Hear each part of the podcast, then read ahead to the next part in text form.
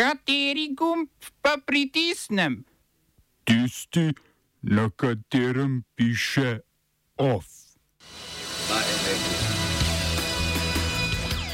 Srpska policija aretirala tri kosovske policiste. Na polskem po smrti nosečnice protesti proti prepovedi splava. Ruska duma prepovedala spremembo spola. Parlamentarni odbor za zdravstvo potrdil novelo zakona o zdravstvenem zavarovanju.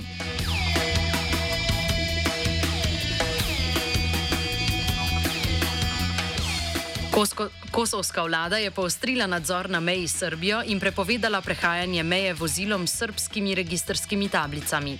Kosovski premijer Albin Kurti se je s tem odzval na aretacijo treh kosovskih policistov, ki so jih aretirale specialne enote srpske policije. Kurti je zahteval takojšnjo izpustitev kosovskih policistov, srpski predsednik Aleksandar Vučić pa je zahodne države pozval naj storijo vse v njihovi moči, da Kurtijo preprečijo začetek nove vojne na Balkanu. Srpsko ministrstvo za notranje zadeve je sporočilo, da so tri kosovske policiste aretirali v Srbiji v občini Raška, skoraj dva km od meje, in da gre za pripadnike specialne enote kosovske policije, ki so bili v polni bojni opremi. V Beogradu so incident opisali kot udor kosovskih policistov v Srbijo in teroristično dejanje namenjeno eskalaciji situacije in destabilizaciji Srbije. Vučić je dodal, da je voljan sprejeti mednarodno preiskavo aretacij. Kosovski premijer Albin Kurti je zanikal, da bi kosovska policija udrla na srbsko ozemlje. Po njegovih besedah je bila srbska policija tista, ki je udrla na kosovsko ozemlje in 300 metrov od meje v občini Leposavič ugrabila tri pripadnike mejne patrulje. Incident je označil za srbsko agresijo, namenjeno eskalaciji razmer.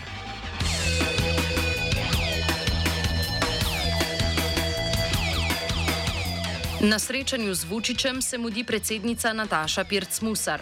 Dopisnik RTV Slovenija Boštjan Anžin je Vučiča na novinarski konferenci po uradnem srečanju vprašal po njegovem stališču o protestih pod sloganom Srbija proti nasilju.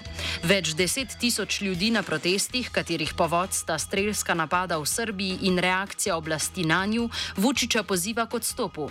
Vučič je Anžinu odgovoril, citiramo: Včasih se zaradi vaše dobronamernosti ljudje počutijo ponižane, ker se mešate v stvari, za katere si v primeru vprašanja o svoji državi ne bi želeli, da bi se mešali. Ko je Vučiću Nataša Pirc-Musar dejala, da je demokracija tudi svoboda medijev in mora delati tudi na tem, pa je dejal, citiramo: Pri nas je seveda svoboda medijev taka, da bi moral vsak dan odgovoriti, ali sem Hitler ali Mussolini. Te stopnje svobode vam ne želim.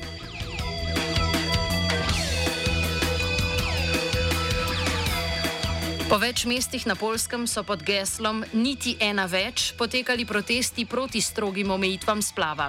Konec maja je v bolnišnici v Novem Targu v 20. tednu nosečnosti umrla 33-letna Dorota Lalik. Nosečnica je umrla zaradi sepse. Ta teden je polski varuh pacijentovih pravic Bartlomiej Hmeljovec sporočil, da bi njeno življenje lahko rešili s splavom, vendar ji tega nihče od zdravnikov ni povedal, pa tudi tega ne, da ima otrok minimalne možnosti za preživetje. Po veljavni zakonodaji imajo ženske na polskem vsaj na papirju pravico do splava v primeru posilstva in cesta ali če je ogroženo njihovo življenje. Vlada tako trdi, da smrt Dorote Lalik ni posledica zakona. Jolanta Budžovska, odvetnica, ki zastopa družino Lalik, odgovarja, da zakon med zdravniki ustvarja strah pred izvajanjem splava, saj ne želijo tvegati treh let zapora, če sodišče odloči, da splav ni bil nujen. Emilija Kačmarek z Centra za bioetiko in biopravo na Varšavski univerzi se z mnenjem odvetnice strinja.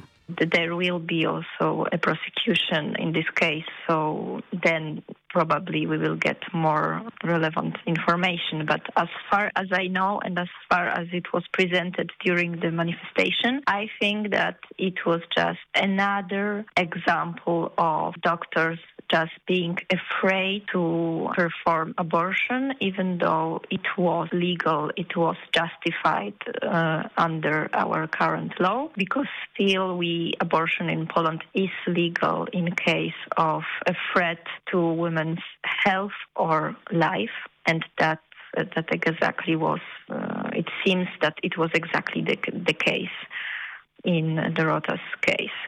So because it wasn't the first time I think that it is related to the general atmosphere in Polish public debate and also in medical community that doctors are just afraid that they will be accused of committing an uh, unlawful abortion.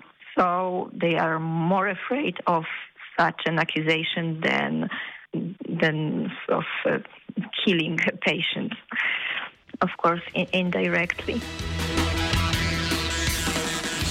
Ali lahko aktualni protesti dosežejo tako množično mobilizacijo, kakor protesti proti prepovedi splava pred sedmimi leti in na to pred tremi leti, ko se je protestov deležilo skoraj pol milijona ljudi? I'm personally afraid that this movement will not be so huge uh, as during the so called black protest a few years ago. Because nowadays people maybe are a bit tired when it comes to politics. There is also so many other issues that are covered by media. Nekdanjega češkega premijeja Petra Nečasa je sodišče v Pragi obsodilo na dve leti in pol pogojne zaporne kazni in oglobilo za nekaj več kot 40 tisoč evrov. Nečas je sodišče obsodilo zaradi podkupovanja poslancev parlamenta s položaji v javni upravi v zameno za podporo njegovi davčni reformi leta 2013. Razkritje zlorabe položaja je tedaj privedlo do odstopa Nečasa in njegove vlade.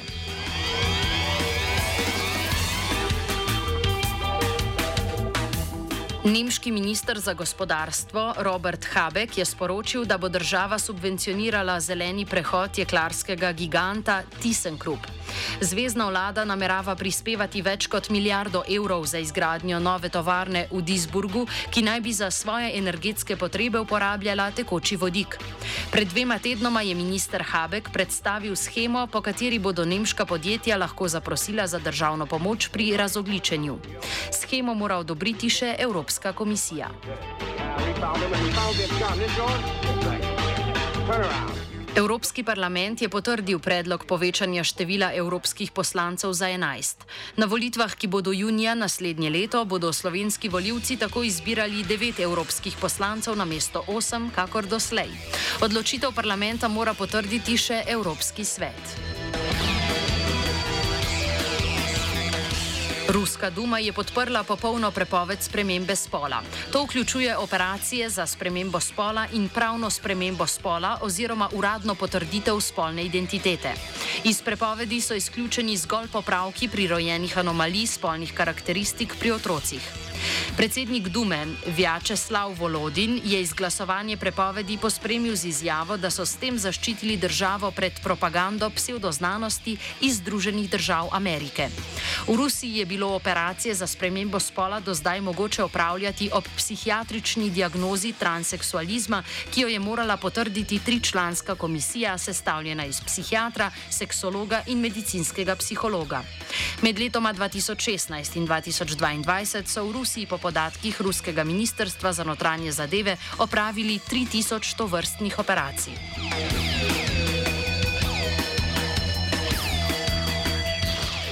Ruska centralna volilna komisija je za september napovedala regionalne volitve v štirih okupiranih ukrajinskih regijah, čeprav Zaporoške, Doneške, Luhanske in Hersonske regije Rusija ne nadzoruje v celoti in v vseh trenutno potekajo boji. Regionalne volitve v okupiranih regijah bodo potekale istočasno z volitvami v regijah v mednarodno priznanem okviru Ruske federacije. V Rostovu na Donu v Rusiji se je začelo sojenje 24 vojnim ujetnikom iz ukrajinskega bataljona Azov. Pripadniki bataljona so se ruski vojski predali po bitki za Mariupol maja lani.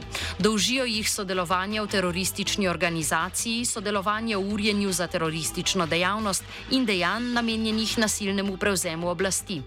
Bataljon Azov je začel delovati leta 2014 kot prostovoljna milica po začetku vojne na vzhodu Ukrajine. Ukrajine, sestavljali pa so ga neonacisti.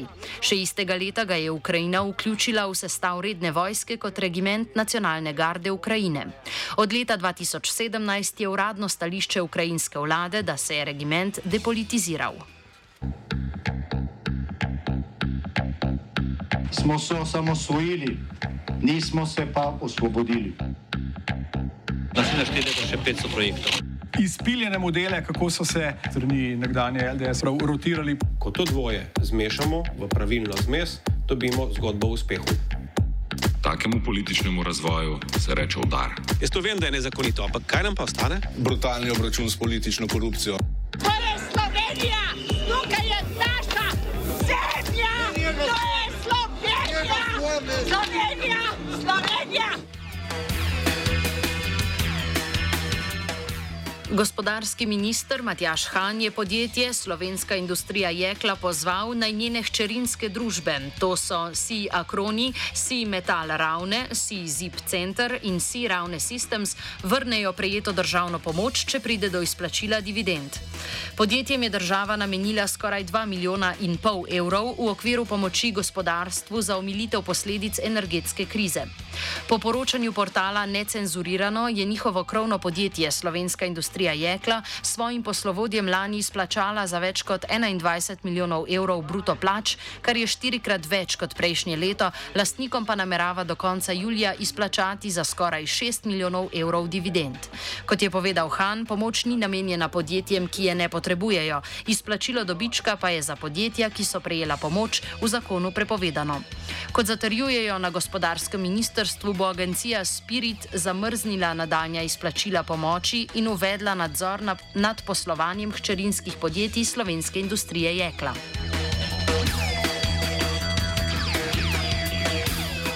Skupina Sveta Evrope proti tihotapljenju ljudi, znana kot Greta, je objavila poročilo, v katerem poziva Republiko Slovenijo naj izboljša prepoznavanje žrtev tihotapljenja med prosilci za azil in tihotapljenja z namenom izkoriščanja dela. Poročilo opozarja, da nobena žrtev še ni pridobila odškodnine niti od države, niti od storilcev. Poročilo navaja, da je bilo v Sloveniji med letoma 2017 in 2021 odkritih 241 žrtev trgovine z ljudmi, od tega je bilo 85 odstotkov žensk, ki so jih izkoriščali za prostitucijo in silili v kriminalna dejanja.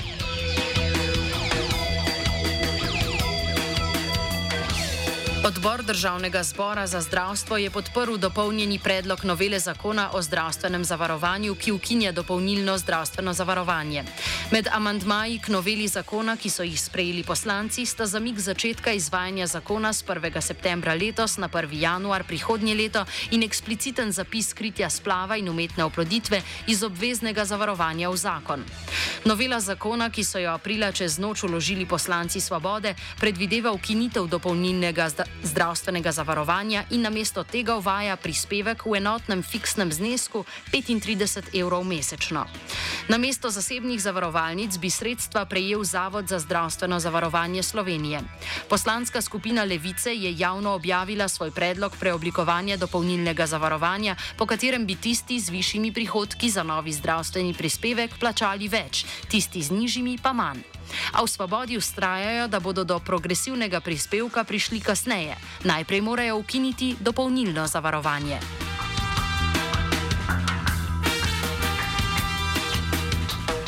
Z današnjim dnem so se za skoraj 7 odstotkov podražile elektronske vinjete za slovenske avtoceste. Letna vinjeta za osebna vozila, ki je prej stala 110 evrov, zdaj stane 117 evrov. Mesečna se je podražila z 30 na 32 evrov in tedenska z 15 na 16 evrov. Letna vinjeta za motorje zdaj znaša 58 evrov, polletna 32 evrov, tedenska pa 8 evrov in pol. Vlada je podražitev potrdila konec maja na predlog. Darsa.